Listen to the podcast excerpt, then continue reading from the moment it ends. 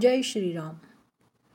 सदा रामनामे वदा पूर्णकामे कदा बाधिजेनापदा नित्यनेमे मदालस्य हा सर्व सोडून द्यावा प्रभाते मनी राम चिंतित जावा पहाटेच्या निरव वेळच्या निरव शांततेत आपले मन परमेश्वरी अस्तित्वाकडे केंद्रित करावे पहाटेच्या वेळी मन फुलासारखं ताजं असतं सुगंधित असतं. मनात जर त्या परमेश्वराच्या नामस्मरणाची साखळी रुंझुणायला लागली तर आपल्या मनात परमेश्वराच्या चिंतनाच्या मंद घंटा वाजू लागतात.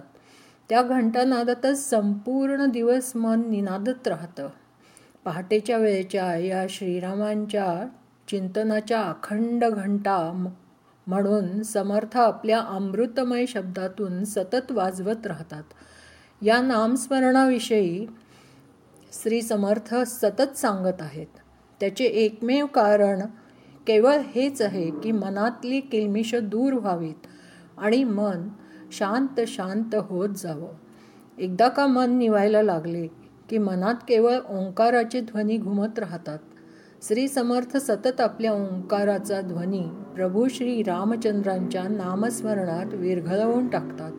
अशा त्या रामनामासंबंधी श्री समर्थ प्रस्तुत श्लोकातून सांगत आहेत की प्रत्येक क्षणी रामनामात दंग व्हा.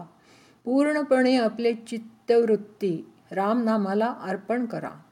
एकदा का श्रीरामाच्या नादवलयात मन गुंतून गेले की आपल्या मनाला परमशांती तर लाभेलच परंतु मनातल्या कामना पण पूर्ण होतील. अर्थातच ज्याच्या मनात श्रीरामाच्या चिंतनाची नादवलय उमटतात त्याच्या मनात एकच कामना जिवंत अवस्थेत असते आणि ती म्हणजे श्रीरामांचं सगुण साकार दर्शन घडावं. आणि त्यां आपल्या भक्तांची ती तीव्र इच्छा प्रभू श्री रामचंद्र पुरी करतात. भक्त सदैव त्या रामनामाच्या जपात समरसून गेला पाहिजे. श्री समर्थ पुढे म्हणतात की एकदा का आपलं मन त्या श्रीरामाच्या ना रामनामात गुंग झालं की त्याला कुठलीही संकट बाधत नाहीत कुठलेही संकट आले तरी प्रभू श्री रामचंद्र तात्काळ आपल्या भक्तांच्या मदतीला येतात. भक्त संकटमुक्त तर होतोच परंतु श्रीरामाच्या निकट तो अलगदपणे जातो. पहाटेपासून श्रीरामाच्या चिंतनात मन गुंतवून मात्र ठेवायला हवे. पण होते काय? तर आळस माणसाच्या ताबा मनाचा ताबा घेतो. अहंकार सतत आपल्या मनात नागासारखा फणा काढून बसलेलाच असतो. परमेश्वरी चिंतनाच्या आड येणारं मन आणि आळस हे दोन फार मोठे शत्रू आहेत.